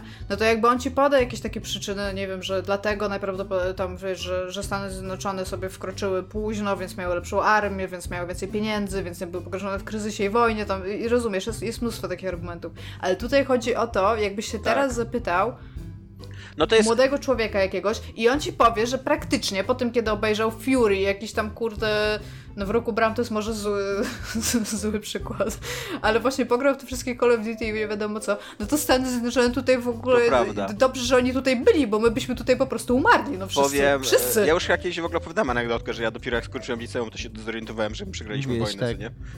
Tak Ja ja, się, ja zorientowałem w tym momencie, jak opowiedziałeś tę anegdotkę. Ale e, nawet już dzisiaj, będąc tam e, 36-latkiem już, Boże, e, tak, nawet już dzisiaj będąc 36-latkiem, ostatnio czytałem na temat lądowania w Normandii. E, z czym wam się kojarzy lądowanie w Normandii? Są ci dzielni tak, amerykańscy Amerykanie chłopcy, tak. wychodzą z tego, Wiecie, że i dwie idą po trzecie, plaży dwie, i dwie trzecie tych dzielnych amerykańskich chłopców to byli Brytyjczycy? No tak, znaczy, tak, znaczy wiem o tym historycznie, ale jakbyś się mnie zapytał, to moje pierwsze w ogóle taka jakby, wiesz, migawka, to jest płonąca flaga Stanów Zjednoczonych. No. A tak, tak, no, to ma nawet sens, jak pomyślisz o tym, gdzie jest Normandia, prawda? Tak. Nie wiem. Jest. Yy, je, mówię, będąc świeże po lekturze tekstu, którym jest Call of Duty World War II, chciałabym służyć w armii amerykańskiej. Ale I wiecie, tak, no. w tym artykule też jest bardzo w ogóle fajnie powiedziane, e, bo te, w sensie ja, ja to wszystko wiem, ale rzadko mam okazję to sprawdzać tak na tekście w trakcie tego, jak gram. I tam jest mówienie o czymś takim jak maskowanie traumy, nie? I ty Tomek grałeś w World War 2 Call of Duty. I tam po prostu to, ile ty tam nie wymordujesz tam whatnot, to na samym końcu, że tam nie ma takiego fist bump, Albo takie tam lanie się po mordach po to, żeby się ze sobą pogodzić właśnie. Albo powiedzenie komuś, twoi ludzie zginęli, ale teraz chodź ze mną, to może zginie ich więcej. I typ mówi tam, jestem totalnie in, idziemy. To jest... Nie wiem, nie, nie wiem nawet jak chciałam skończyć zdanie. Właśnie też jestem, za, nie- nie- jestem zadziwiona tą Myślałem, myślałem szczerze mówiąc, że się rozproszyłem i przegapiłem puentę, ale to po prostu... Nie, nie, zapomniałam jak chciałam skończyć to zdanie. Ale to po ten, prostu była, no. wiecie co jest dla mnie najsmutniejsze? Bo ja przeczytałem ten artykuł Dominika na e, Poligami, bo Dominik e, stargetował w content w ogóle, od razu wysłał mi linka, że to jest dla mnie totalnie. Później przeczytałem tak. ten e, artykuł na Nation, a później sobie przy, przypomniałem ten artykuł na e, QC czy G, GQ. Coś takiego, nie pamiętam się tego. Ten o tych dronach w każdym razie. E, I ten. I wiecie co jest najdziwniejsze, że jak, jak, czytasz, jak czytasz takie rzeczy, to i, i wiesz coś o grach, GQ, tak się nazywa ta gazeta, i wiesz coś o grach, to to jest takie, że no, okej, to ma sens w ogóle, totalnie, co nie? No, w ogóle mnie to nie dziwi, co nie, że ktoś, kto wie cokolwiek o giereczkach, stwierdził, ej, to dobry pomysł, żeby zacząć y, rekrutować żołnierzy poprzez giereczki. To jest smutne, kurde, że, Tak, jest. że to uzależnienie gier od mechanizmów s- strzelania i przemocy, szerzenia jest tak y, wbudowane już w postrzeganie medium, że no tak, to wydaje się oczywiste, co nie? Iga, czy ty wiesz, że przemoc jest zła? Jesteśmy zgubieni, guys. Ja i wiem, ja się uczę, ja się wciąż uczę i nie jestem w stanie, nie możemy mu... Iga, nie możesz już dalej mówić o The Last of Us 2 i dobra, nie będę, ale już przeszłam tą grę, chyba z dwa razy już ją przeszłam i ona cały czas trwa. I jestem like, ja jestem już okej z tym zakończeniem gro, daj mi odejść, a ona mówi nie. Nie, jeszcze, jeszcze powtórka, bo wejściówka będzie z przemocy i będę dostała taką kartkę, jaka jest przemoc. z przemocy. Wyjmujemy karteczki, jaka jest przemoc. Jaka jaka jest przemoc? fuck, A, oh, fuck. dobra, B, zła. Przegapiłam zakończenie, nie, dosz, nie doszłam do końca tej gry, fuck, nie wiem. Może tam był plot twist A na końcu. Ej, A czy B, A czy B. Jest, jest, powiem wam, jest, jest, jest już nawet taki moment, przez to, że jestem Iga, taka zmęczona. Nie rozmawiamy o Last of Us 2, koniec. Ale ja tylko chcę wam powiedzieć, bo ta Nie. gra już jak- jakby, poczekaj, bo ona już robi coś zupełnie Nie, bo odwrotnie. zaraz bo- zaczeka na Personie, Personie 5 giga. Iga, nie, stop. Ale to jest fajne spostrzeżenie. No dobra, dajesz. Bo ona ci pokazuje bardzo dużo przemocy, żebyś ty wiedział, że przemoc jest zła, ale przy okazji ja już jestem, mam już tak tego dość, że ja już chcę wsadzić więcej przemocy tylko po to, żeby uzyskać zakończenie, rozumiesz? I ja już tam nie myślę nawet o tym, co ja mogę zrobić lepiej, żeby tej przemocy nie było, tylko jak, dobra, już, Ja miałem takie, tak. zostawcie mnie już. Ja miałem takie wrażenie trochę jak grałem w tą grę. Dominik, będziesz mógł o Personie 5 kilka zdań powiedzieć. Ja myślę, kurde, teraz.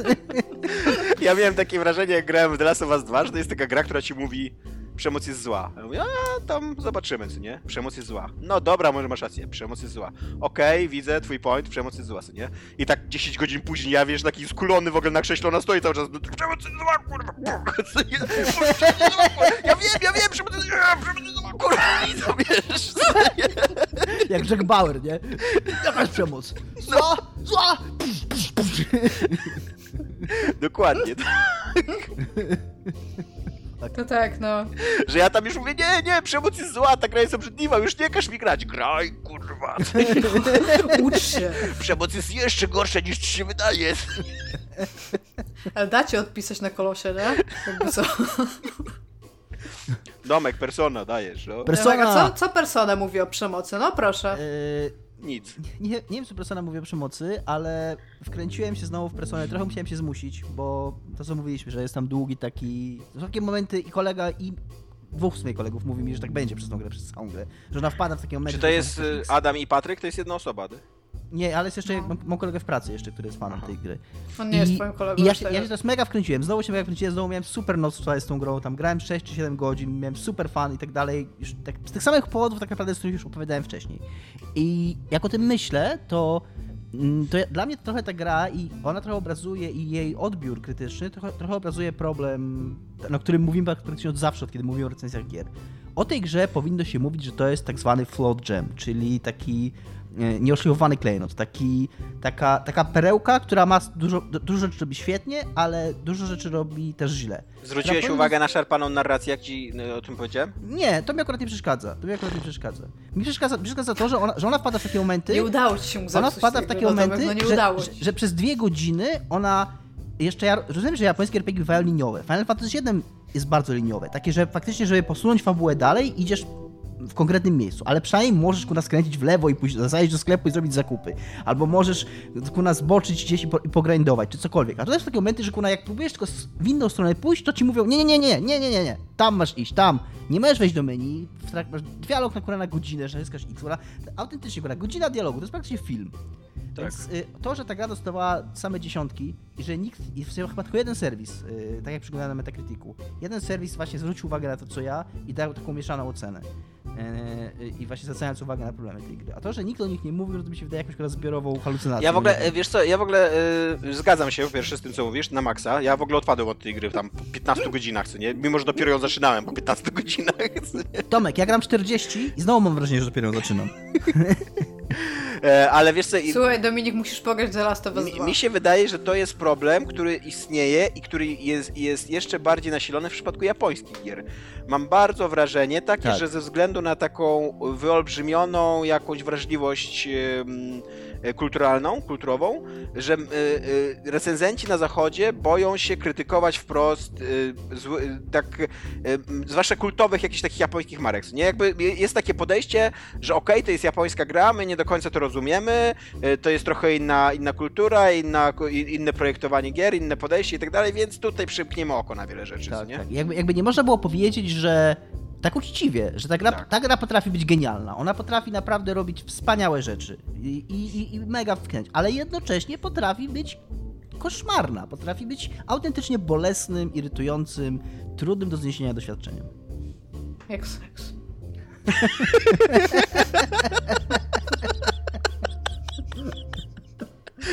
Ale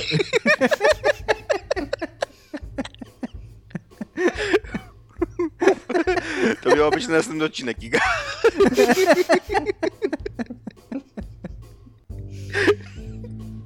Ta, ta, ta. E, no dobra, tymczasem, e, tymczasem Ubisoft, e, który schował swoją grę Skull and Bones, czyli swoją piracką grę, e, okazało się, że e, w międzyczasie ją zreb- zrebootował. Jeszcze zanim ona w ogóle wyszła, zanim w ogóle jeszcze powstała marka, zanim jeszcze była, była seria do zrebootowania, to ona została zrebootowana potajemnie. Ona w ogóle, weź mi Tomku jeszcze przypomnij, bo ja, ja dopiero jak to przeczytałam, to ja sobie przypomniałam, że była jakaś zapowiedź, gdzie było chyba tylko tytuł i tylko taki bardzo zarysowany, że coś tam o Nie, był, piratach. był cyne- cinematic taki, taki bardzo ogólny, piracki cinematic o tym, że będą statki, że będą strzelać te statki do siebie, że będziesz piratem i taki w ogóle taki, taki cinematic, który trochę mógłby zapowiadać Assassin's Creed y, czwórkę Black 2, Flag. co nie? tak, bo ta gra w ogóle powstała chyba, Tak. jej kon- koncept powstał po sukcesie Black Flag. Tak, i je, i, i je, robi, je robi studia Ubisoft Singapur, które właśnie było odpowiedzialne za ro, rozwijanie tego, tego mecha, tej mechaniki pływania, co nie? W Assassin's Creedach. I to jest ich pierwsza samodzielna gra. E, I y, co jest ciekawe w, ty, w tym re- reboocie, że oni w ogóle zupełnie zmienili y, podejście do tej gry. Ona, ona została zapowiedziana ostatnio, y, znaczy ostatnio o niej, o niej mówiono w 2017 roku. Twitterowe konto zamilkło rok Już temu. nie pamiętam tak dawnej historii. Tak.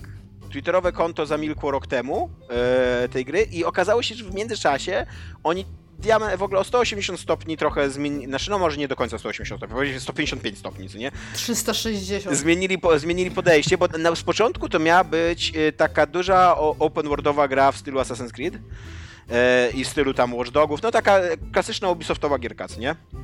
To miała być. E, Ale w międzyczasie oni się chyba zakochali w, po pierwsze w Fortnite, a po drugie w tej giereczce, Dominik, co ty z nią grasz, piracka? Sea of Thieves. Sea of Thieves, tak? E, I, i chyba się Chciałam zak- powiedzieć This War of Mine. Nie mam zielonego pojęcia dlaczego. zakochali się w tych, e, w tych giereczkach i postanowili zrobić taką e, e, live grę. Nie, nie wiem jak to, nie, nie wiem czy mamy w ogóle po polsku taki tytuł, ale w każdym razie to ma być taka gra multiplayer, która, której jednocześnie jej, jej świat reaguje e, na jakieś wydarzenia, jest, zbudowania, na- jest zbudowana odgórnie narracja nowa i to, to nie jest tak, że to są jakieś DLC i tak dalej, tylko że właśnie tutaj, tutaj jest to nawiązanie do Fortnite'a, co nie, że będą jakieś kolejne wydarzenia wielkie się działy w tej grze, że będą jakieś sezony, kolejne odcinki, co nie, i, i, i tak dalej. E, I jednocześnie to, co mnie w ogóle ciekawi i, i, i co, jest, co jest dla mnie na plus, to że e, teraz e, r, z tą serię, znaczy no serię, to jeszcze nie jest seria, już tą, tą zrebutowaną jedne, nie, nie, zeroodcinkową serię, e, teraz creative directorem została pani, które tu nazwisko mam już wynotowane, już patrzę, Elizabeth Pellen, która była e, główną siłą, bo i napisała i była dyrektorem trzynastki, tej, tego, tej trochę zapomnianej takiej adaptacji komiksowej, FPS-owej, bardzo fajnej giereczki swego czasu, która teraz będzie remasterowana, więc jakbyście tam chcieli do niej wrócić kiedyś nasi słuchacze drodzy, to ja bardzo polecam, pamiętam, że to była dobra gra. E, I tak, i jest to trochę taka, nie wiem, przedziwna sytuacja, tak, żeby w ogóle, żeby wziąć tak wielki projekt i go w ogóle na zupełnie nowe tory prze, przekierować. Ja- w ogóle się zastanawiam, ile oni pieniędzy w błoto wyrzucili jakby, tak. A poza tym, a poza tym, się wydaje, to że to raczej było na takiej zasadzie, że masz jakiś... e, Czę, często są takie projekty, które po prostu z jakiegoś powodu e, nie, nie zostają wydane. Są, nad nimi prace i ten... I teraz tak, masz na przykład bardzo dużo asetów, masz e, napisany już jakiś silnik i mechaniki, no ale to nigdzie nie szło, więc to frizujesz. Po czym ktoś mówi, słuchajcie, e, nie wiem, mam, pracujemy teraz nad taką grą, bo Fortnite się zrobił tam fajny, nie? I tam, tam czemu nie? No i potem jest nagle, dobra, to weźmy to, co mieliśmy stamtąd i to połączmy, bo po prostu będzie szybciej, tak? No, no i taki niedorobiony projekt po prostu zyskuje nowy kierunek, tak? Dobra, Nowy następny kurs, temat. Iga, nowy Iga, kurs zyskuje nowy Iga- kurs. A dlaczego Iga następny? wyjaśniła. No bo Iga już wyjaśniła wszystko, nie ma nic do powiedzenia. no dobra. Nie, mi się wydaje, że po prostu mogło tak być, że to tam, to, to wiesz, to w powijakach po prostu gdzieś tam na Znaczy- jakiejś takiej wczesnej perprodukcji po prostu Te- ucięli e, temu łeb. Też, e, wiesz co, nie wydaje mi się, żeby to było w powijakach. Jak właśnie z tego artykułu fakt, że nie wynika dokładnie w którym momencie oni e, podjęli tą decyzję, co nie? Na, na jakim etapie była gra, ale wynika z tego artykułu, znaczy ja tak odczytuję trochę ten artykuł na VGC, VGC e, Video, Video Games Chronicle, e, że to wynika tak, że, że ta gra już powstawała, istniała, był jakiś bardzo konkretny pomysł na nią. Nie? To, to miała być kolejna w ogóle duża ubi, ubi gierka. To, to mnie w ogóle trochę dziwi, że po co oni robili taką gierkę piracką, skoro już mają taką gierkę piracką, nie? Jakby to... No ale to dopiero potem przecież podzielili swój zarząd w taki sposób, żeby mieć bardziej dystynktywne cechy różnych gier, więc wtedy może, wiesz, chcieli zrobić siedem różnych gier o piratach takich samych, nie? I to jeszcze, i to jeszcze chcieli zrobić e, taką samą grę o piratach jak Assassin's Creed, dlatego że Assassin's Creed o piratach był sukcesem, więc jakby... Tak, I, ale, ale, i, wynajęli, ale i wzięli tych ludzi, co zrobili tą grę o piratach Assassin's Creed, żeby zrobili inną grę o piratach. Ale jednocześnie, ale jednocześnie ludzie mówili, że ta gra byłaby lepsza, gdyby to była gra o piratach. Jakby to, to był cały pomysł w ogóle ten Skull Bones. Że po wyjściu e, Assassin's Creed Black Flag było dużo, taki był e, bardzo głośny i słyszalny głos, który do dzisiaj jego echa się odbijają po Gierkowie. Nawet teraz go słyszę. Że to jest super gra, ale, ale słaby asasyn. Że, że to jest dobra gra o piratach, ale kiepski asasyn. I więc Ubisoft stwierdził, że dobra, to zróbcie nam to samo, ale bez asasyna. No ale przecież był pomysł. Asasyny cały czas są y, z tym wątkiem nie, morskim. Nie, nie, nie, niezbyt, niezbyt właśnie. On No jest, jak, on to tak, wikingo, tak, jak można sobie wyobrazić grę o wikingach bez... Być może wikingowie będą mieli, ale tak. We, w, w A żadnej spacer, innej... który spaceruje? W żadnej innych, w, żadnej, w, w, w Odyssey, w Origins w ogóle nie było bitew morskich, znaczy były, ale jako takie niezależne epizodziki, takie mini takie sekwencje, ale że, że można, że po prostu taka, mm, że miałeś takie wspomnienie na przykład, czy tam, y, wiecie, że, że nie, że mogłeś sobie wskoczyć na statek i pływać, nie, tylko miałeś po prostu sekwencję taką, że płyniesz statkiem się nawalasz z innym. Y, Odyseja miała, pływało się faktycznie statkiem, nie no, w Odysei to w sumie było dosyć mocno rozbudowane, okej. Ale to y, w sensie te bitwy morskie były mocno inne, bo z łuków się strzelało, a nie z kul armatnych, więc to zupełnie co innego. Zupełnie. Nie, no dobra, okej, masz rację, w Odysei mocno to było, dobra, cofam sobie. Ale czekaj, mieli Co? armaty i nie strzelali z kul armatnych, tylko z łuków z tych nie, nie, armat, mieli, tak? nie, nie mieli armat. W, Okej, to bo powiedziałeś, że strzelali łukami, a nie kulami armatnymi. No bo w, I tak... w, tym sensie, że w Black Flag są kule armatnie, a w Odysei są łucznicy po prostu stoją na statku, bo nie mieli armat w starożytnej Grecji. Dobra, ale chodzi mi wciąż o to, że kula armatnia to amunicja do armaty, a łuk to armata do strzały jakby. No nieważne.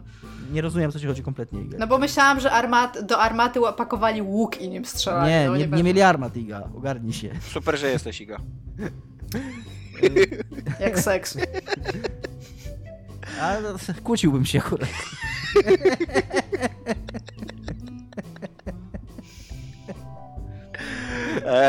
w każdym razie na zakończenie tej historii jeszcze tylko powiem, że to co jest ciekawe, to że ta gra, która zniknęła 3 lata temu i teraz nagle pojawiły się informacje na ten temat, że na ostatniej konferencji Ubisoftu również jej nie było, więc jest... nie wiem, czy to był celowy wyciek, czy autentycznie ten Ubisoft tak przecieka, ale to, było, to jest to jeszcze bardziej Przecieka, konfundujące. bo gra o piratach. What? Jest to jeszcze bardziej konfundujące moim zdaniem, nie? Że zapowiedzieliśmy grę 3 lata temu, rok temu Ej. Nawet konto na Twitterze Ej. przestało nadawać. Ej, Dominik, a kupisz tą grę w oryginale? Czy ją spiracę?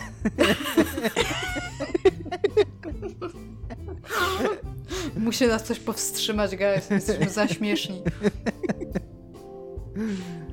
Iga, twój temacik na koniec. Go. Mój temat jest najlepszy. Ja się tak cieszę, że dostałem ten temat. Słuchajcie, wiecie co się stało? Ej, ej, ej, chłopaki, chłopaki, wiecie co się stało? Sony kupiło udziały Epika za 250 milionów dolarów. Jak ci się nie podoba ten temat, to trzeba było jakiś swój własny zaproponować. Nie, w sensie Jakby, tak, po y- prostu idę tą narracją, którą zapoczątkowałeś na samym początku, współpracuj. W międzyczasie już prosiłem tę narrację. Ślepa uliczka. za czasami, naprawdę. ślepa uliczka, odkryjesz to kiedyś, dorośniesz do tego.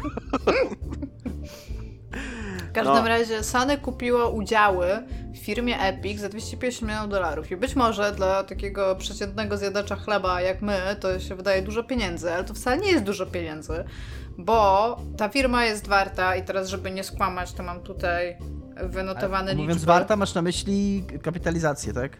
Tak, tak. To Dominik, to- przepraszam, pi, pi, pi, pi, pi, strefa ekonomiczna Dominik. Kczing! No bo, no bo kapitalizacja firmy, a jakby zasoby finansowe firmy to są dwie kompletnie różne sprawy. W sensie to, czy Sony. Jakby są firmy, które mają bardzo wysoką kapitalizację, na przykład Tesla, yy, a które w ogóle nie zarabiają. Yy, I też e, kapitalizacja firmy, a to ile ona by była warta, gdyby naprawdę była sprzedawana, to też jest zupełnie inna sprawa. To też zupełnie. A, a, a, trzecią rzeczą jest, ile ta firma ma jakby gotówki, Tak. którą może wydawać. Myślę, że ma trzy gotówki, natomiast w lipcu była wyceniana na 17, prawie 18 e, miliardów dolarów. Więc Sony za te swoje marne pieniądze wykupiło trochę ponad 1% udziałów. Natomiast dla porównania, bo tak jak wiemy, Epic jest zły, bo to jest Tencent. Nie wiem, czy jeszcze pamiętacie w ogóle tą nagonkę, żeby nie instalować e, Epic Launchera, bo to są Tak. tam chiński spyware. I tam Nie, no przede wszystkim Epic miało w ogóle odebrać wolną wolę graczom, nie, nie wiem, czy pamiętacie. Że y, nie, nie pamiętacie, jak, że to była nieuczciwa konkurencja dla Steama? Jak Epic A, wchodził? to tak. Że- Nie że zniszczy w ogóle rynek? wolną wolę, ty. Nie wiem, jak na razie y, ja mam Epika zainstalowanego, szczególnie, że chyba przedwczoraj wyszło Ublec, który bardzo chcę zobaczyć. E, na- natomiast Steam jest, i to nie wiedziałam, że to kiedyś powiem, dużo mniej denerwującym czymś Tak. niż Epic. Epic mi sra oknami non-stop na pulpicie, po prostu, że jest jakaś gra Ja, ja mam Epica zainstalowanego prawie od początku, ten, tego Epic Launchera, jak tylko oni zaczęli sprzedawać gry. I do tej pory mi ten Epic Launcher nie działa dobrze. Na przykład w ogóle to menu, co się tam po lewej w rogu Mhm. na, naciska, to w ogóle mi w życiu go nie widziałem, jakby, co nie tam, mogę tam klikać ile chcę, co nie, ono, ono ni, nigdy się nie... A to jest dosyć wkurzające, bo na przykład wszystkie łączenia tam tych w gier multi, co nie, działają poprzez to menu. Więc tam, no trudno, nie, nie.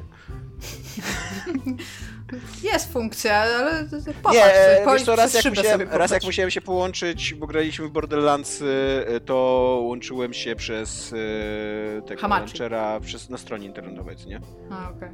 Nie, to super. To Przez super. GameSpy. Dobra.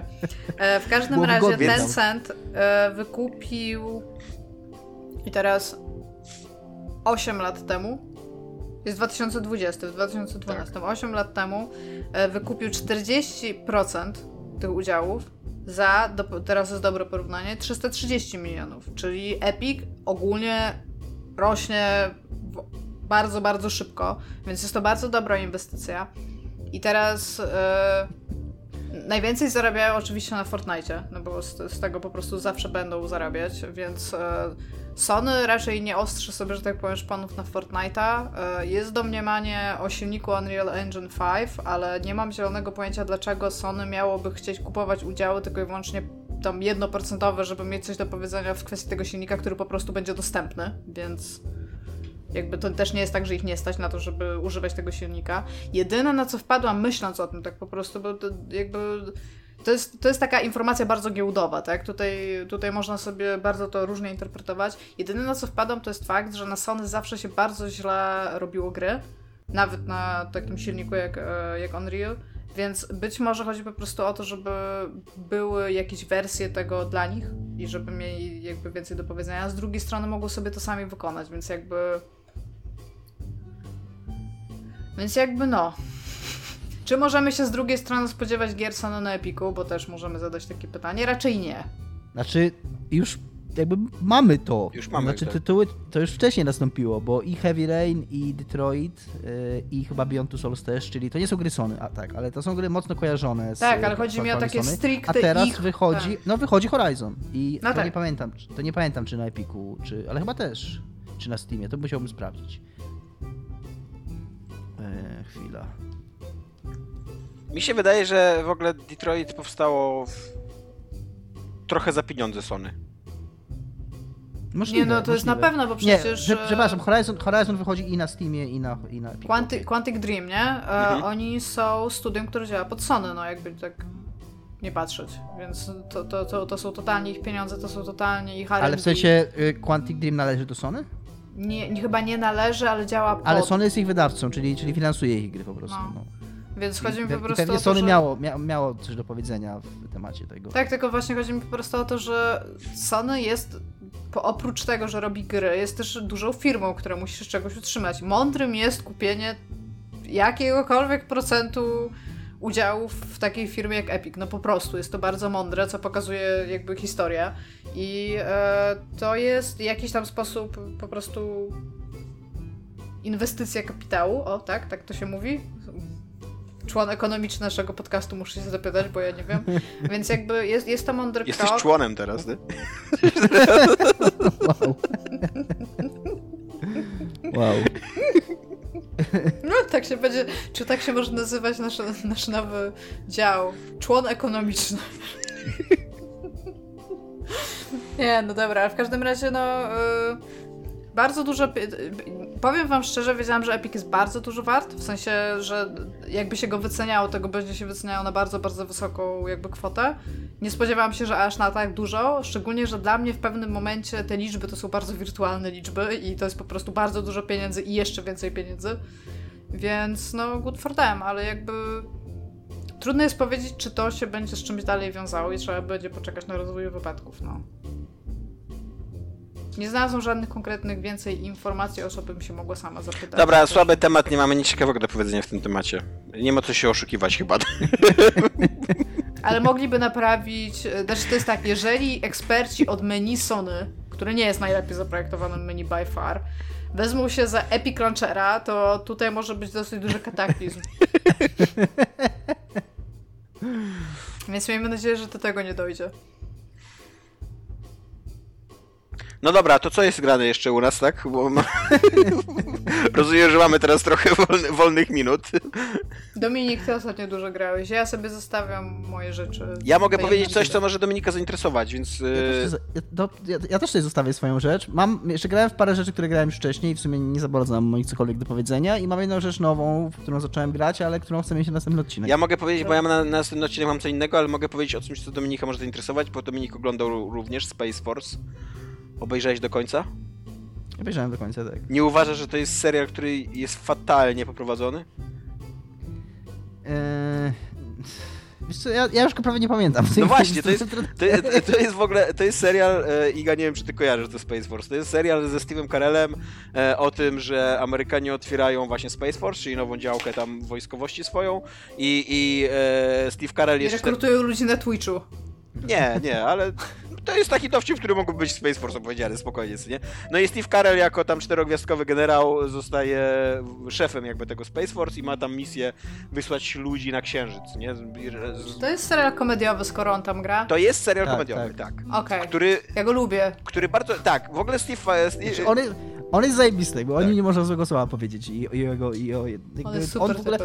cokolwiek, cokolwiek jest dobrego w tym serialu, Tak, to, to jest jest on. dzięki niemu. To jest bardzo śmieszny człowiek, Tak. to jest w sensie zabawny. I, I właśnie oni, oni w ogóle mi się wydaje, że oni w pewnym momencie zapomnieli zupełnie jaki serial. Że, o, an- ani, on ma bardzo, bardzo fajne, znaczy bardzo fajne też dużo, dużo, dużo, dużo powiedziane, ale spoko ma pierwsze dwie, trzy odcinki. Że tak siedzisz, chichrasz się, są jakieś dowcipy i tak dalej. Ale później im dalej w las, to w ogóle tak siedzisz, on w ogóle taką siłą inercji idzie przed siebie. Takie, się, dzieją się jakieś rzeczy, ani to nie obchodzi za bardzo postaci, ani aktorów, ani nikt tam konsekwencji żadnych nie ponosi, ani widza to nie obchodzi, już tam jakieś tam piu-piu w kosmosie, coś tam jacyś Chińczycy, żartów już praktycznie w ogóle nie ma, a na końcu w ogóle w ostatnim odcinku jest taki wątek, to nie, to nie jest spoiler, nic tu nie będę, ale jest taki, jest taka, taki, taki wątek, że ta e, córka e, głównego bohatera, tego generała, e, jakby wpada w złe towarzystwo, że podejmuje złą decyzję i podejmuje złą decyzję, bo stoi przed sklepem, jest taka zła, co nie, jak to nastolatka i ktoś, ta- i tam takie y, złe nastolatki mówią jej, ej, chodź z nami na imprezę w ogóle. I ona wsiada oczywiście do samochodu z trzema mężczyznami, co nie, i, i jedzie na imprezę, co nie, i dojeżdża na tą imprezę, gdzieś tam na środku pustyni oni imprezują, dojeżdża na tą imprezę, a te, a te trzy, trzy złe nastolatki, ona jest w ogóle spanikowana, że on, o mój Boże, co ona zrobiła, co nie, i, i że w ogóle jak to się wydarzyło, jaka ona jest głupia, jaka jest ona nie- nieodpowiedzialna i że ktoś, ludzie ją muszą ratować, albo ona musi uciekać i tak dalej. Ale te trzy nastolatki autentycznie w ogóle wychodzą z, tej, z, z, z, z tego samochodu i tam idą do siebie, co nie? I tak sobie myślałem, okej, jest to dziwne z punktu widzenia dramaturgicznego, ale być może to jest taki komentarz na temat tego, że ona trochę przesadza, że trochę panikuje, że tam trochę ich stygmatyzuje i tak dalej, co nie? I oni, oni centralnie w ogóle są indziej, co nie? I, I się tam zajmują sami sobą. Ona ma teraz czas, żeby zadzwonić do taty, ma czas, żeby zadzwonić do swojego chłopaka, ma czas, żeby zadzwonić do mamy. No i w pewnym momencie podej- jakby y, taka jest porzucona, więc postanawia, że będzie wracała na piechotę, co nie? No ale w tym momencie jakby ten w drugim wątku ojciec postanawia lecieć ją uratować. Więc ona idzie przez pie- na piechotę przez tą pustynię i nagle te trzy nastolatki, które w ogóle straciły zupełnie, nie- te złe, złe nastolatki, które w ogóle zupełnie straciły mm, Czy zainteresowanie. te nimi, złe nastolatki są tak złe, że mają ćwieki na przykład? Nagle oni jadą na motorach crossowych z takimi czarnymi hełmami i ją gonią przez pustynię. W ogóle, mimo że dopiero co przed chwilą jakby ona była u nich i tam po prostu sobie poszła. nie? Ale oni tutaj nagle jadą, żeby pokazać, że są źli i przylatuje ojciec i oni zawracają. I tak w ogóle taki, taki jakby w ogóle ktoś, ktoś napisał jakiś taki, jakiś taki e, e, szkic wątku i później zapomnieli go wypełnić kontentem i tak po prostu poszło do, do filmowania. Taki, tak zupełnie jest taki, nie wiem, ten serial taki, no jestem zdumiony, że coś takiego zostało wyprodukowane, bo, bo to ma potencjał, ma świetnego aktora, ma, na, nawet fajne są tam pomysły na dowcipy, na jakieś takie running joke'i i tak dalej, co nie? To, że tam jego, jego, jego żona siedzi w więzieniu, e, to, że prezydent co jakiś czas do nich dzwoni, co nie? Na przykład mają postać, która się nazywa Faktony, co nie? Tam, to jest, to jest spoko dowcip, który tam po- powtórzony kilka razy, ja tam kupuję, co nie?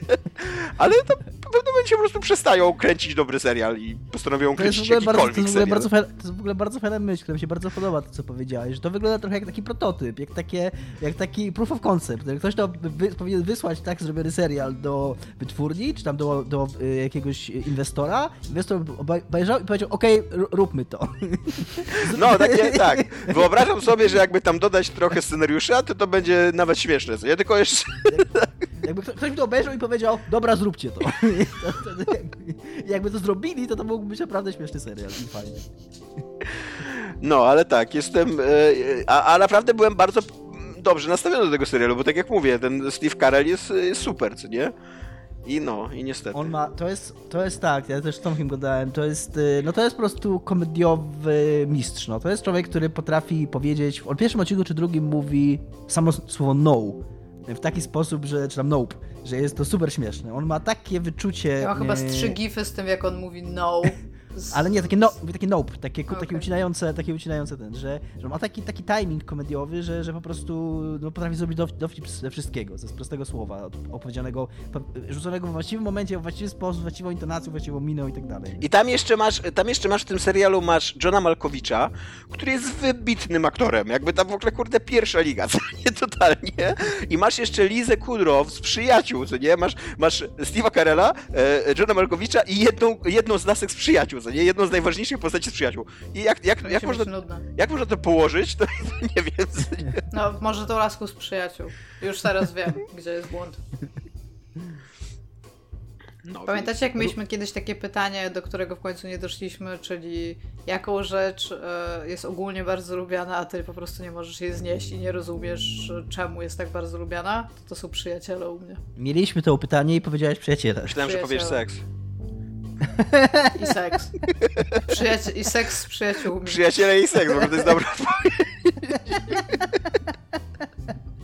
Zmieniam, zmieniam nazwę podcastu.